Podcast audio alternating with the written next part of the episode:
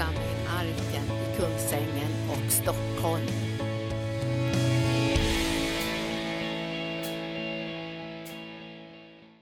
Halleluja, tack Jesus. Vilken underbar lovsång. Vi älskar verkligen lovsång på arken, gör vi inte det? Vi vill att det ska vara en tron för Jesus, att han ska känna att den här lovsången som vi sjunger unisont och kollektivt, att den ska vara kvar i våra hjärtan. Lite mera tryck Janne, lite mera tryck. Tack Birgitta för den härliga inledningen. Och tack alla ni som har tjänat under den här helgen. Jag vet om att ni är säkert lite trötta nu. Det har varit mycket, många saker, inte bara här inne utan kafeterian, städningen, barnen, ungdomarna och nu det här härliga återträffen nere i källaren. Så underbara vittnesbörd. Och det sista vittnesbördet var ganska långt och det var en broder från Finland. Det var så gripande vittnesbörd om hans vandring och prövningar och utsatthet. Och sen började han säga på slutet, jag har fått tillbaka allt. Och jag har en vacker fru också, en jättevacker, snygg tjej som han kom med här från Finland. Han har fått tillbaka allt. Är inte Gud god? Han ger tillbaka allt. Och inte bara det vi har förlorat sju gånger. Därför när vi får tillbaka från Gud så måste vi kunna ge vidare till andra människor. Så det är alltid ett överflöd, för Gud kallas för överflödets Gud. Så tack alla ni som har tjänat i konferensen och tack alla elever. Ni har ju den här första träningen nu, det blir ju våren nästa Jesus helar och upprättar. Och jag har faktiskt satt min tro att det ska vara minst 200 elever som startar hösten 2018. Och min önskan är min önskan är att vi också ska kunna ha engelsk tolkning. Det är väl något som jag står i tro för, engelsk tolkning. Och att vi också ska kunna börja lite engelska möten här också i arken. För det är många nu som bara talar engelska. Så när jag var med Amriser, Johannes Amriser Mission SOS, så är många av deras möten talar de bara engelska. Men jag vet att det är inte alla som kan engelska. Men det är väldigt många nu som skulle längta efter att få vara med på engelska möten. Så nu det här sista mötet för den här gången så känner vi vill bara dricka, eller hur? Vi vill dricka från Guds smörjelse. Och jag glömde faktiskt dansskorna så jag tänker ta av mig de här skorna sen. Så när vi har gått genom tunneln så ska vi lösa ut, om vi orkar nu då, en stund i alla fall, så ska vi bara jubla och dansa inför Herren.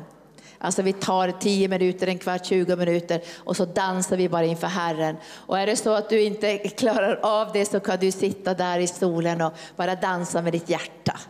Men att vi bara får kasta oss ut i det här och lite släppa loss i det här sista mötet. Vi får ta av oss skorna också. Jag kände att det fanns liksom i lovsången ett, ett ytterligare snäpp där. Kände ni det? Ytterligare snäpp av att nu skulle vi upp i på höjden där och få luft under, under vingarna. Eh, jag kommer att skicka runt en lista och vi har redan fått många som har velat anteckna sig intresseanmälan. Vi har en fantastisk bibelskola, vi har en väldigt fin ledarutbildning som vi nu kommer att utvidga med många fler ledare och talare också. Och då önskar vi också att människor eller syskon som inte tillhör arken men som känner sig så att säga, ett med arken ska kunna få gå på den här ledarutbildningen. För vi ser ju anden nu att vi behöver starta nya församlingar. Och vi behöver sträcka oss ut, församlingsplantering, utpostar. Vi behöver också få tag på pastorer och ledare som har just att bygga, samla, stärka. Vi har väldigt många fina helande tjänster. Men vi ser ju också Göteborg och Lundsbrunn, alltså vi behöver utveckla och styrka. Och vi kommer också starta också i Åkersberga och på andra platser också. Så det är många saker som är på gång nu och redan nu på tisdag, onsdag, torsdag, fredag så börjar ju pastor Gunnar med, med den här ledarutbildningen och talar om att bygga på biblisk grund. Så jag skickar runt den här intresseanmälan och då kommer man att kunna se på webben lyssna på CD-skivor eller vara här. Och en del kurser kommer också vara mer teologiska och gå på Sjöhamra gård med olika talare från olika länder och från Sverige såklart. Men jag tror vi kommer att få många pastorer. För vi måste få pastorer. Därför skörden kommer att bli så stor. Vi ser ju det i anden att det kommer att hända någonting och vi behöver kunna bygga och stärka och samla.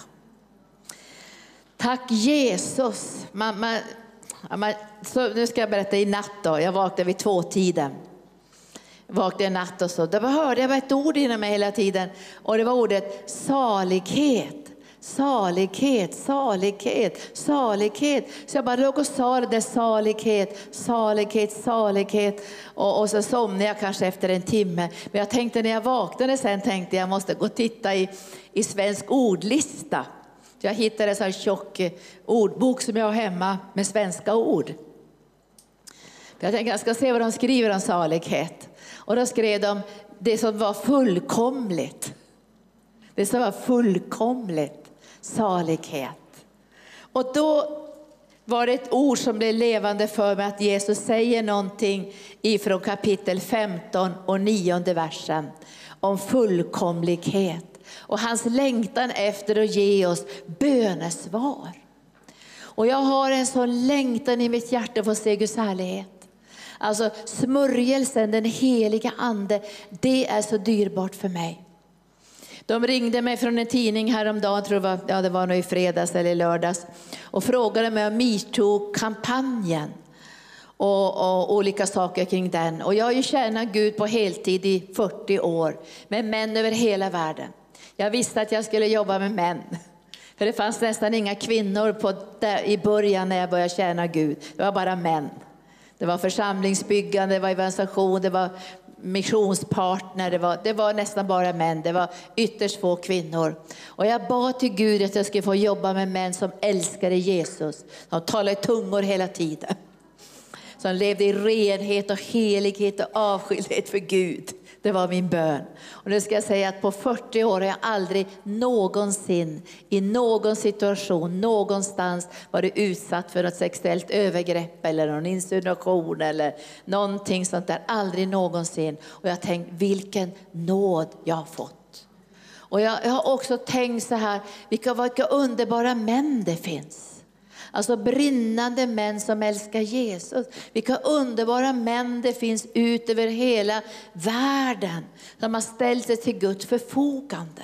Och jag tror vi kommer in i en tid där vi kommer att stå sida vid sida. För Jesus är ju exemplet på en fantastisk man och människa. Han umgicks med kvinnor, han umgicks med män och han umgick med både män och kvinnor i en sån renhet, i sån höghet så han kan säga genom Paulus, nu är, det inte, nu är det inte man och kvinna längre, nu är det inte slav eller fri, nu är det inte jude eller grek, alla är ett i Kristus. Och jag tror det kommer en tid när vi kommer att upprättas som män och kvinnor, tjäna sida vid sida i skörden och vi kommer att tillbaka till tiden innan syndafallet. Men nu ska det öppnas en källa källa i det här landet. Där män och kvinnor ska vara ta emot helande och upprättelse. Eller vad säger ni om det?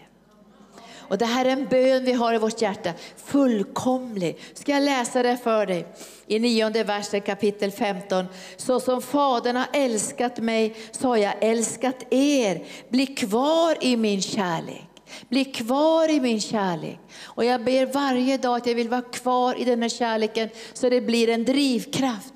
För det kan vara ganska tufft ibland att vara ledare.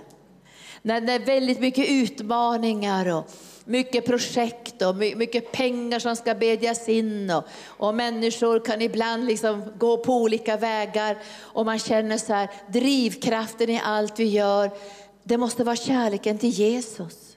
Bli kvar i min kärlek. Och jag tycker det är så fantastiskt att tänka, jag kan vara kvar i hans kärlek. För Paulus säger så här, Kristi kärlek driver mig. För en har dött för alla, därför har de alla dött. Bli kvar i min kärlek. Och jag tror att när vi blir kvar i Guds kärlek är det lättare för oss att tro på bönesvar. För då ser vi allt genom hans ögon. Och så säger Jesus så här, om ni håller mina bud blir ni kvar i min kärlek, liksom jag har blivit kvar, jag har hållit min fars bud och blivit kvar i hans kärlek. Detta har jag sagt er för att min glädje skall vara i er och för att er glädje ska bli fullkomlig. Den här texten gillar jag. Det står, min glädje ska vara i er. Ja, men det kan jag förstå, att Jesu glädje är i mig. För han är ju total full kontakt med himlen. Men så säger han, jag vill Linda att din glädje ska bli fullkomlig också. Jag vill att min glädje ska vara i dig och att din glädje ska bli fullkomlig, att du ska bli salig. Alltså jag längtar efter salighet på jorden. Att få känna salighet. Jag, kan inte, jag, jag vet inte, har ni känt salighet? Det har kommit kanske droppvis, det har regnat, men man känner att det finns mera av denna salighet. Alltså denna glädje som är överglädje, denna lycka som är mera än lycka som Bibeln beskriver som salighet. Och när jag läste där i ordboken så kopplade det till det religiösa stod det. Men vi kopplar det till Jesus och till den andliga verkligheten. Och så säger Jesus i kapitel 14, han säger så här, i tionde versen. Tror du inte att jag är i Fadern och att Fadern är i mig? Orden jag talar säger jag inte av mig själv. Fadern bor i mig och gärningarna är hans verk. Tro mig, jag är i Fadern och Fadern är i mig. Och kan ni inte det, så tro för gärningarnas skull. När Jesus i Matteus evangelium, jag tänkte jag skulle läsa något från Matteus evangelium innan vi går in i flödet, så ska vi läsa först vilka gärningar som Jesus gjorde. Matteus evangelium kapitel 4, Jesus predikar i Galileen, är överrubriken. Jesus vandrade omkring i hela Galileen och han undervisade i deras synagogor och förkunnade evangelium om riket och botade alla slags sjukdomar och krämpor bland folken. Och ryktet om honom spreds över hela Syrien och man kom till honom med alla som led av olika sjukdomar och plågor, besatta, månadssjuka och lama och han botade dem och stora skaror följde honom från Galileen, från Dekapolis, från Jerusalem, Judeen och på andra sidan Jordan. Det måste ha varit tusentals människor. Det måste ha sett ut som ett fältsjukhus. Man tog med sig människor som var sargade, besatta, månadssjuka, lama, som led av sjukdomar och plågor. De förde man till Jesus och så står det, och han botade alla. Alltså han tog sig tid på ett sätt som är så imponerande. Jag sa till eleverna häromdagen att skulle Jesus ha mött några såna här journalister eller sådana som jobbade med marknadsföring i världen så skulle de sagt Jesus om du bara har tre år på dig Bry dig inte om individerna, ta bara massorna. Få så stort inflytande så det bara går och samla bara tusentals människor. Och så. Bry dig inte om de enskilda som behöver hjälpen. Men fastän Jesus bara hade tre år i sin offentliga tjänst så brydde han sig om individen samtidigt som han såg massorna. Han såg individen, han såg den, den enskilda människan. Han såg kvinnan med den böjda ryggen som ingen hade brytt sig om i 18 år, hade gått ut och in i synagogan och så såg Jesus henne. Och så var det kvinnan med blodgång som alla tyckte, men alla rör ju vid dig Jesus. Men Jesus, det är någon som rör vid mig på ett annorlunda sätt. Här fanns mannen som tog sig genom taket. Alltså ni ser Jesus, han bryr sig om individen. Och det är någonting som vi önskar ska få bli liksom bekräftat i våra hjärtan. Gud bryr sig om oss individuellt. Och Gud bryr sig också om människor individuellt, samtidigt som vi kommer att få betjäna de stora skarorna. Mängder med människor kom till Jesus och när de här människorna blivit helade, då börjar Jesus undervisa dem. Jag ska bara säga någonting om den här undervisningen. Det är inte så vanligt att vi predikar eller undervisar, i alla fall inte dagligen om det, Jesu bergspredikan. om salighet. Alltså när han har botat människor så talar han om livsstil. Det liv som vi väljer att leva därför att vi älskar Jesus. Och jag känner dag efter dag ska du och jag välja det här livet, det saliga livet. Det här livet som ger oss salighet. Människor söker efter lycka, men jag söker inte efter lycka, jag söker efter salighet. Och i natt när jag låg och tänkte på salighet så kom jag ihåg en dröm som, som jag hade som barn när jag hade så jobbigt, så när jag var liten och hade jättejobbigt känslomässigt. Så hade jag en dröm. Jag, jag och tänkte på den drömmen, att jag fick så starka, starka känslor av salighet. Alltså det är en väldigt stark känsla. Alltså den känslan har att göra med himlen. Och vet du att en dag så står det så här, ska du gå in i Faderns glädje. Men man skulle kunna säga Faderns skratt. Alltså du kommer att gå in i en sån salighet. Men jag önskar inte att vi bara ska vänta, och nu ska vi till himlen för salighet, utan vi ska ha det här. Alltså vi ska ha del av den här saligheten här. Gud behöver ett saligt folk. Ett folk som har en, en, en glädje som inte är av det jordiska som kommer från himlen. Och därför behöver vi dricka av det här himmelska vinet varje dag. Och jag brukar säga till Gud, jag står inte ut om det är torrt i arken. Vi måste ha vin. Och Herren säger att han ska förvandla vatten till vin. Och när han gjorde det i Kapernaum så blev det hundratals liter vin. Det var inte 10 liter och 20 liter, det var hundratals, det var 600 liter vatten som de här tjänarna tog och fyllde i de här tvagningskärlen. Och sen tar hon de här stora tvagningskärlen till övertjänaren och under vägen förvandlas allting till vin. Det är klart att Gud vill att vi ska dricka oss druckna. Vet du, världen kan inte tala om salighet. Världen kan tala om lycka och glädje, men den kan försvinna väldigt fort när omständigheterna förändras. Men Gud talar för dig och mig salighet. Och jag kommer ihåg en av våra medarbetare i Kambodja som hette Sofal Ang. Alltså han var i den här fruktansvärda röda khmererna som mördade miljontals människor. Har ni sett de här fälten? Miljontals människor blev mördade av röda khmererna. Och då tog, då, tog, då, fick, då tog de och fångade, han var ungdomsledare på den tiden. Och, då, och han var bland sina ungdomar då och de dödade nästan alla i församlingen. Och de dödade nästan alla ungdomar. Och när han skulle bli dödad då så svimmade han.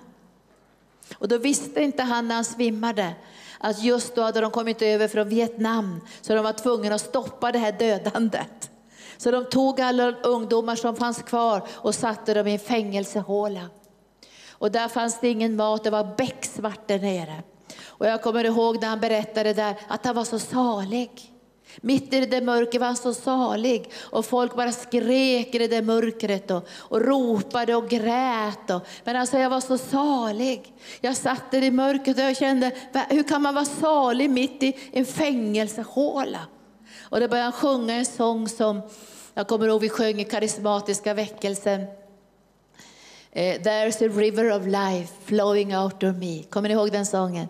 There's a river of life flowing out of me. Jag kan inte sjunga nu, men det var, det var, han sjöng den, han sjöng den, han sjöng den. Och så märkte han att förändrades hela atmosfären. Och sakta men säkert började han höra i den där fängelsehålan hur de som satt där började sjunga den här sången till hela fängelsehålan uppfylldes av salighet. Sen blev de befriade, då var han bara som ett skelett och de trodde han var död redan. Så de kastade honom på en, en, en skottkärra. Så de körde ut, skulle bara begrava massor med ungdomar. Men han levde, de slängde honom på gatan. Och idag är han en stark pastor, lite äldre nu, har byggt församlingar över hela Kambodja. Och vi har fått nåden att samarbeta med Sofal och Debora Ang. Och de skickade mig en present nu till födelsedagen så jag satte på mig den här presenten och satte, tog en bild till Instagram. Men han var salig. Det finns en salighet som ligger på ett helt annat plan. Och Gud, Jesus han säger, kom nu ska jag berätta för er om den här saligheten. Hur den här saligheten kan börja utvecklas. Och Eh, ta, ta fart i era liv och så säger han, saliga är de som är fattiga i anden. Alltså det finns en salighet i att vara fattig i anden, att säga varje dag, jag är beroende av dig Gud. Det är en port i salighet, för då får du och jag tillgång till hela Guds rika.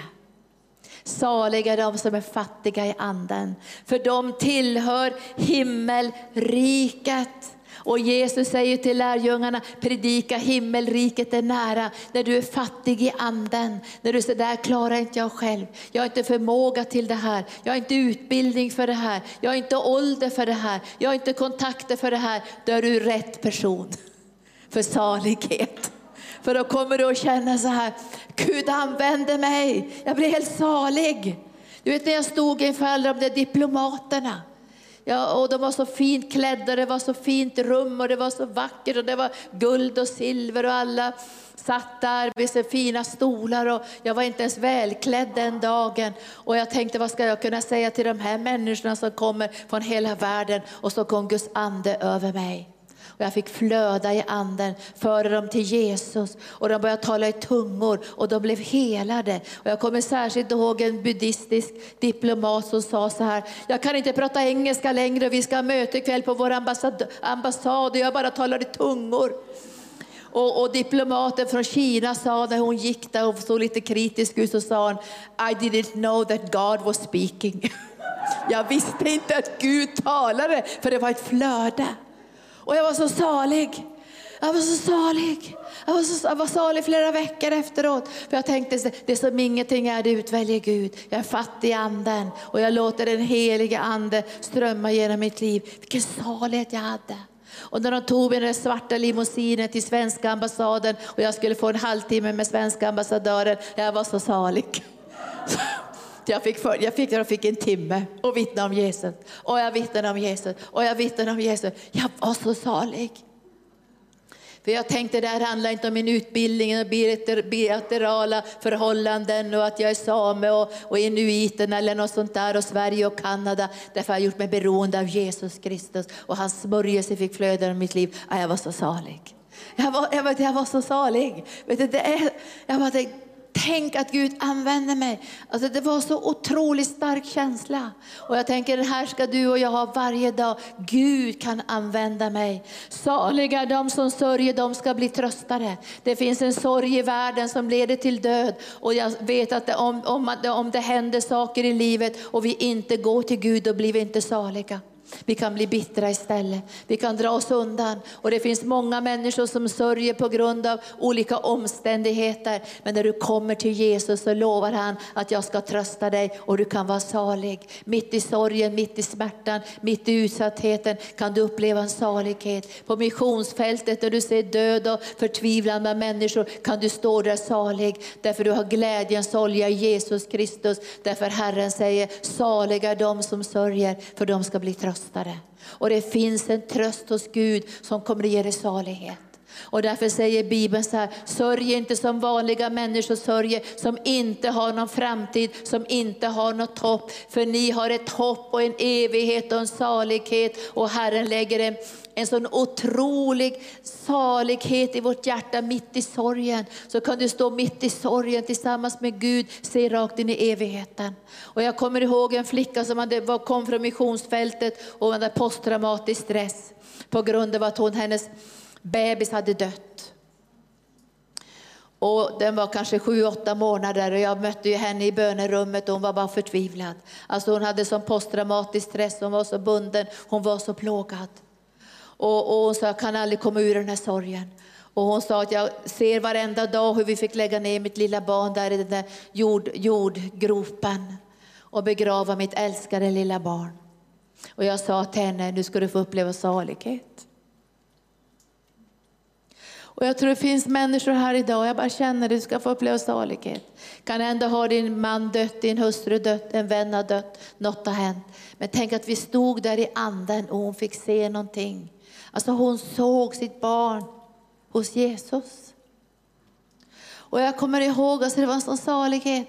Alltså det var nästan lite obehagligt. Kan man känna en sån salighet mitt i sorgen? Kan man känna en sån glädje, en sån kontakt med evigheten? Det här är vad Bibeln säger. Ett helt annat liv som du och jag är kallade att leva. Saliga är de ödmjuka för de ska ärva jorden. För Bibeln säger att högmod går före fall. Och när djävulen föll så blev hans fall stort. Men det står också att ödmjukhet ska gå före ära. Och när du och jag ödmjukar oss under Guds mäktiga hand, då kommer salighet. Då kommer du och jag inte att känna vad jag som fixade det. Hade jag jag vassa armbågar och jag tog en plats och jag tog en position och jag krävde det här. Det är ingen salighet, det blir bara dålig smak i munnen. Men nu är du ödmjuk under Guds mäktiga hand och sen kommer Gud att upphöja dig, vilken salighet. Då vet du att det här berodde inte på dig, det här inte var din egen förmåga, din egen kraft och din egen press. Det var Gud som gjorde det här. Vilken salighet. När Gud reser upp dig, och vilken salighet. Det här är ett liv som Gud har kallat oss att leva. Jag tror Gud håller på att resa upp ett ledarskap i det här landet som har ödmjukat sig under Guds mäktiga hand. Och jag tänker ibland så här, hur ska Gud kunna hitta oss och bli ödmjuka oss? Tänk om han inte hittar oss. Tänk om de här sju vackra killarna som Samuel skulle lägga handen på. De här bröderna som var så sköna och stora och välvuxna. Och han lade handen på en och Gud sa, det är inte han. La handen på nästa, nej det är inte han heller. La handen på nästa, det är inte han heller. Till sist fanns det ju inga söner kvar. Och, och, och, profeten Samuel frågar, är, är det här alla? För Gud säger till profeten, jag ser inte som ni ser, det sköna utseendet, jag ser till hjärtat. Och sen säger profeten så här, finns det ingen till liten son? Finns det ingen till son? Jo, jo men det finns någon där, men han är bara ute på fältet då. Och han har vi inte räknat med. Men Gud har räknat med dig. Och var än du är, när du har ödmjukat under Guds mäktiga hand, så kommer salighet. Då händer det något i ditt hjärta. Det blir en salighet som gör att du vet att inga demoner, inga omständigheter, inga djävlar i hela världen kan hindra det Gud har lagt i ditt hjärta. Salighet. Och salighet. Herren säger vidare här om det liv som vi kallar att leva. Han säger, saliga är de som hungrar och törstar efter rättfärdighet. Och jag tror att idag har du en sån hunger efter rättfärdighet, att veta mer och mer vad innebär det här att leva med Jesus? Vad innebär det här nya livet i helighet? Rättfärdighet handlar ju om Jesus. Och när du och jag får tag i det här livet med Jesus så får vi mättnad på insidan. Det blir en mättnad som leder till en salighet. Vi saknar ingenting i den här världen. Även om du skulle stå utan någonting i det naturliga så skulle du kunna säga, jag har allt vad jag behöver för jag har Jesus.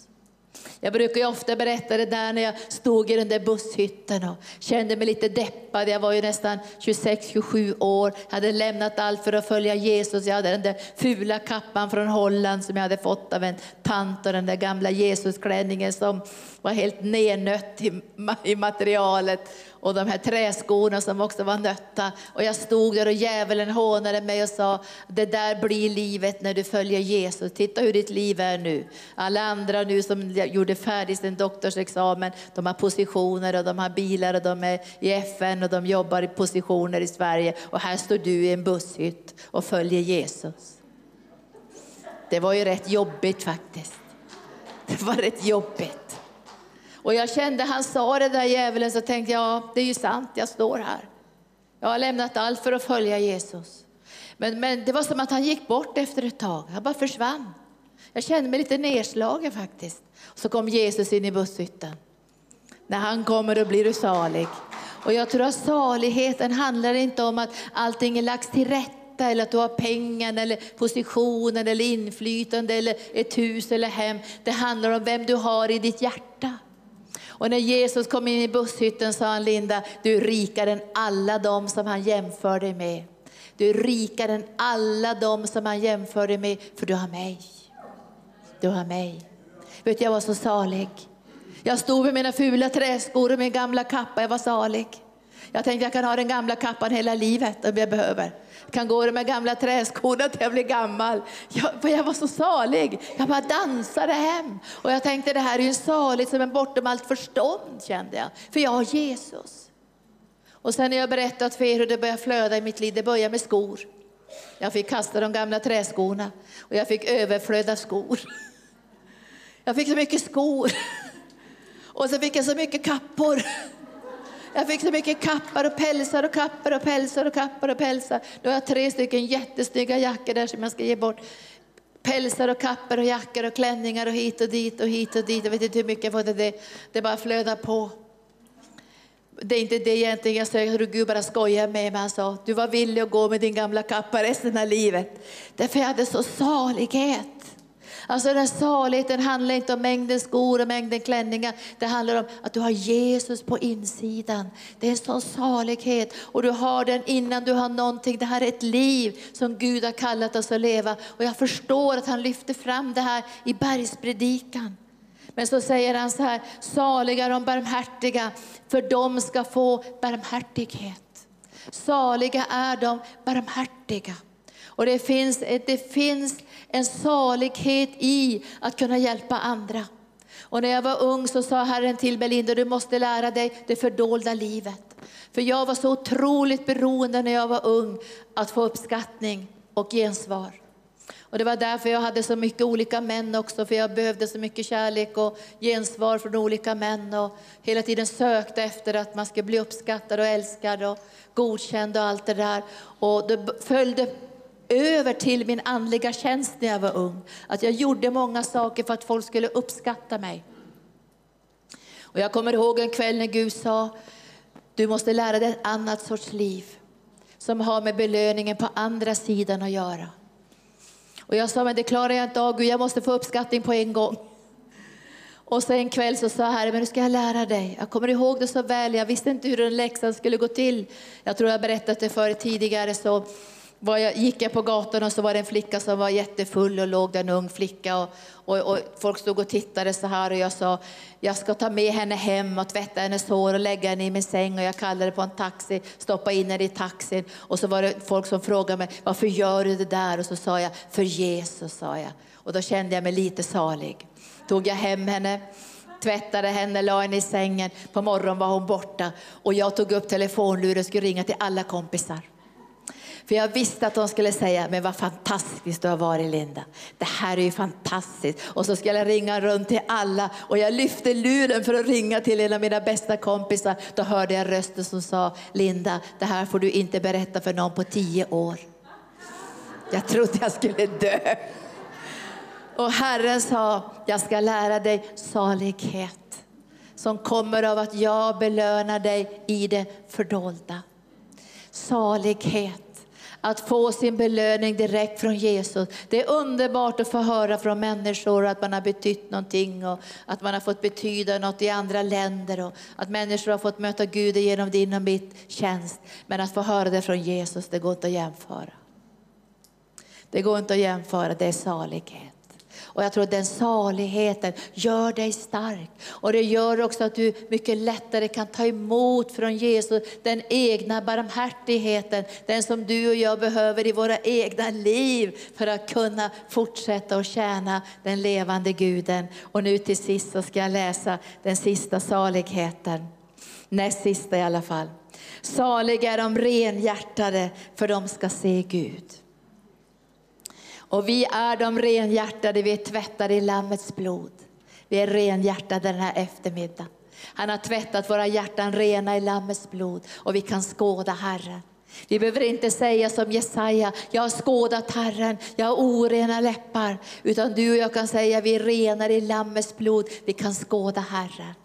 Och den här eftermiddagen ska vi dricka från den heliga Ande och låta den här saligheten och börja tänka, vi är kallade till salighet. Världen måste få se ett saligt folk.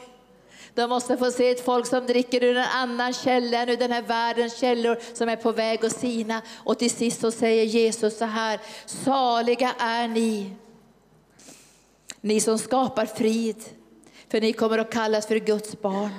Saliga är ni, ni blir förföljda för rättfärdighetens skull, för det tillhör himmelriket. Saliga är ni när människor hånar och förföljer er, ljuger och säger allt ont om er för min skull. Gläd er och jubla för er lön är stor i himlen. På samma sätt så förföljde man profeterna före er. Jag tycker inte om förföljelse och smutskastning och förtal. Jag kan nog säga att jag inte tycker att det är så särskilt kul.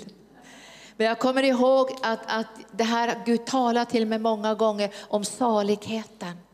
Att få uppleva det här för Jesus skull. Och jag kommer ihåg när mina barn var små, då bodde jag fortfarande i Göteborg. Och det hade varit så fruktansvärt jobbigt i kyrkan. Det var så, ja, det var så jobbigt när jag arbetade där. Det var så hemskt, och det var sånt betryck och det var så förföljelse. Jag vet, det var så tungt. Och jag, jag minns att jag kände mig så tung och så deprimerad och kände Gud, hur ska jag klara av det här?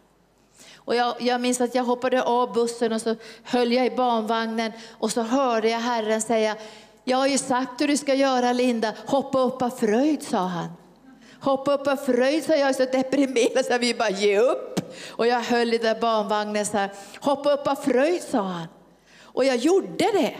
Jag stod på gatan och så började jag hoppa med barnvagnen. Och så hände det någonting. Det kom en våg av salighet. Jag kan inte förklara det. Det kom en våg av, det bara, bara flödade in i mitt innersta. Och jag började gråta, tack Jesus, tack Jesus, jag är salig. Och det var som att allt det här mörkret och hopplösheten och all den här attacken som hade kommit emot mig bara släppte sitt grepp. Jag kände, det här är ju salighet. Och jag kände jag måste hoppa upp och fröj nästa gång igen också. Och jag började göra det här fort jag fick något negativt så gick jag in på toaletten och hoppade. Och jag tänkte halleluja, jag får salighet. Och jag gjorde det faktiskt på gamla arken en gång. Jag satt där och tänkte, åh jag hoppas någon skickar något brev och uppmuntrar mig. Hoppas jag får någon uppmuntran idag. Och så kom det ett brev, ganska tjockt brev. Och jag öppnade det. Jag vill knappt säga vad det var i det där brevet, men det var människor, B-A-J-S, bajs. Så jag öppnade brevet och så var det människobajs i det. Och så var det något elakt de hade skrivit. Och jag först kände, nej men fy vad jobbigt, det här får ju vara nog. Och så hade de veckan innan skjutit genom mitt fönster också så att det var ett stort hål där. Någon hade skjutit genom fönstret. Och då tänkte jag så här, nu, nu är det dags att gå på toaletten. Inte sätta mig på toaletten men hoppa av fröjd. Bara börja jubla, halleluja, tack Jesus, tack Jesus. Och plötsligt kommer vågen. Saligheten kommer, glädjen kommer i den heliga Ande. Jesus talar om ett liv i salighet. Jag ska avsluta nu, du kan läsa själv bara sen vad det står så här. Ni är jordens salt, ni är världens ljus. Ni är jordens salt, ni är världens ljus. Och Gud måste ha ett folk som lever i en annan dimension i den heliga Ande. Det är inte så vanligt att vi läser bergspredikan, men jag tror jag bara vaknade att salighet, fullkomlighet. Det är det som är fullkomligt genom den heliga Ande som Gud vill bara lösa in i sitt folks liv. För vi kommer in i större mörker. Det kommer att bli jordbävningar, krig på den ena platsen efter den andra, folkuppror, sjukdomar. Vi måste klara av att dricka från den källa som ger oss salighet. Vi ska vara bland de spetälska, bland barnen på soptipparna. Vi ska se döende människor, för vi kan inte smita undan, utan vi måste vara här. Men vi ska inte förstöras av den nöd som vi kommer att möta, för vi ska leva i salighet. Och bara känner den här, den här eftermiddagen, den här nästan början på kvällen, att vi ska säga till Herren, vi nöjer oss inte med annat än salighet det fullkomliga. Den här vågen, säger det bara, så kommer den här saligheten att slå in som en, som en vind i ditt inre. Så du tänker, det här är ju försmak på himlen. Så här måste det kännas i himlen. Så här måste det vara hela tiden i himlen. Och jag tror Jesus önskar att du och jag ska ha mera av den här saligheten i vårt liv. För jag tror Guds kraft och Guds härlighet förlöses också i tjänst till andra när den här saligheten i våg efter våg efter våg får flöda in genom vår ande. Tack Jesus. Halleluja. Åh, salighet och gåtfullhet. Och vi bara prisar det här för salighet. Det är mer än en trisslott och lite glädje. Det är mer än att vi får någonting i det naturliga. Salighet är du själv Jesus. Vi älskar dig och vi vill ha del av din salighet. Det är fullkomliga. Och du har sagt att vi ska be så vår glädje blir fullkomlig. Att vi får uppleva redan här på jorden salighet. Att vi kan få en försmak av den himmelska världens salighet. För i himlen är allting fullkomligt. Och jag prisar dig Herre för att du har visat en väg genom bergspredikan. Så vi kan börja bedja efter, steg efter steg hur den här saligheten ska kunna manifesteras i våra liv, i vår andes fattigdom, i barmhärtigheten, i det rena hjärtat, i att vara fredstifta. Vi vet Herre att du har gett oss en väg att vandra på, att gå in i lidandet för ditt namns skull på ett rätt sätt och hoppa upp av fröjd. Därför vi får äran och tjäna dig i den yttersta tiden och säga som lärjungarna, vi är aktasvärdiga att lida för det namnets skull. Det är en stor ära för oss och vi prisar dig Herre för att vi mitt i förföljelsen ska få känna denna salighet som Sofal kände där i fängelsehålan och de andra fick känna det som, som lärjungarna som bad och prisade dig i midnattstimmen. Paulus och Silas. Och hela fängelset lystes upp av härlighet och alla bojor och band de brast. Därför de prisade dig i middagstimmen, i midnattstimmen. Så kom helige Ande den här eftermiddagen, resonoria, ekosaidia. Vi tänker dricka, vi behöver dricka från din salighet, dricka från din Andes närvaro, bli druckna av din ljuvlighet. Kom helige Ande, vi nöjer oss inte med något annat än salighet. Vi nöjer oss inte med något annat än det som himlen kan erbjuda. All glädje som finns i världen är bara ytlighet. Allt som världen kan erbjuda erbjuder bara kulisser, men att få del av salighet från himlen. Att få vara fattig i anden och se hur du använder oss med mirakler. Att få uppleva en barmhärtighet som bara himlen kan ge och en belöning som kommer från ditt eget hjärta. Och vi prisar det underbara Jesus i den här eftermiddagen. Be Herre för var och en att de ska få en försmak av himlen, din salighet, din salighet, din salighet. Kom helige Ande. Och vi bara löser ut trebrende kidaidea, bresoloria endro oh, o masikono endeki karasaidea, kebronoro konna hanti ki natoro, kelisanta ki a ah, a, ah, nosso kodragende. Åh, oh, bara kom helige Ande. Oh, Åh, bara låt din vind få blåsa idag. Låt din vind få blåsa den eftermiddagen. Och bara blås på oss Herre, ge oss salighet. Bara fyll oss Herre med glädje utöver glädje. Glädjen som är bortom jordisk glädje, där det är salighet. Där vi får smaka det fullkomliga. För du är vår konung och Herre. Och du har sagt Herre att vår glädje ska bli fullkomlig. Att du ska låta oss få smaka av någonting som är bortom det jordiska. Och vi förväntar oss Herre att den här eftermiddagen ska du låta den här vågen bara flöda genom våra liv. När vi går genom den här tunneln av kraft ska det bara flöda och vi prisar dig Herre för du ska mätta oss. Du ska mätta oss med salighet. Du ska mätta oss med salighet. Vi ska ha unga ben som en hjort. Vi ska upp på höjderna. Vi ska vara saliga. Vi ska kunna betjäna både ambassadörer och människor i rännstenen. Vi ska kunna betjäna alla sorters människor. Vi har inte anseende till personen. För vi har själva tagits upp ur gropen. Vi har själva tagits upp i mörkret. Och du har satt oss på din högra sida i Jesus Kristus. Så kom Herre med salighet. Bara fyll mina syskon med salighet och låt dem få känna en annan dimension i sina hjärtan. Resonoria, brände kaidia, messigendro, brandjondo siria. Kom heliga Ande, låt saligheten och låt glädjen gå så djupt, djupt, djupt, djupt, djupt. För de har dig, de är saliga, saliga, saliga, saliga, fullkomna fullkomnade, fullkomnade i din härlighet och i din kärlek. Så kom nu heliga Ande, bara löser du smörjelsen.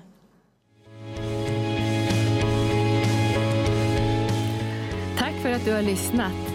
Vill du få del av mer information om församlingen Arken, vår helande tjänst, bibelskola och övriga arbete, gå in på www.arken.org.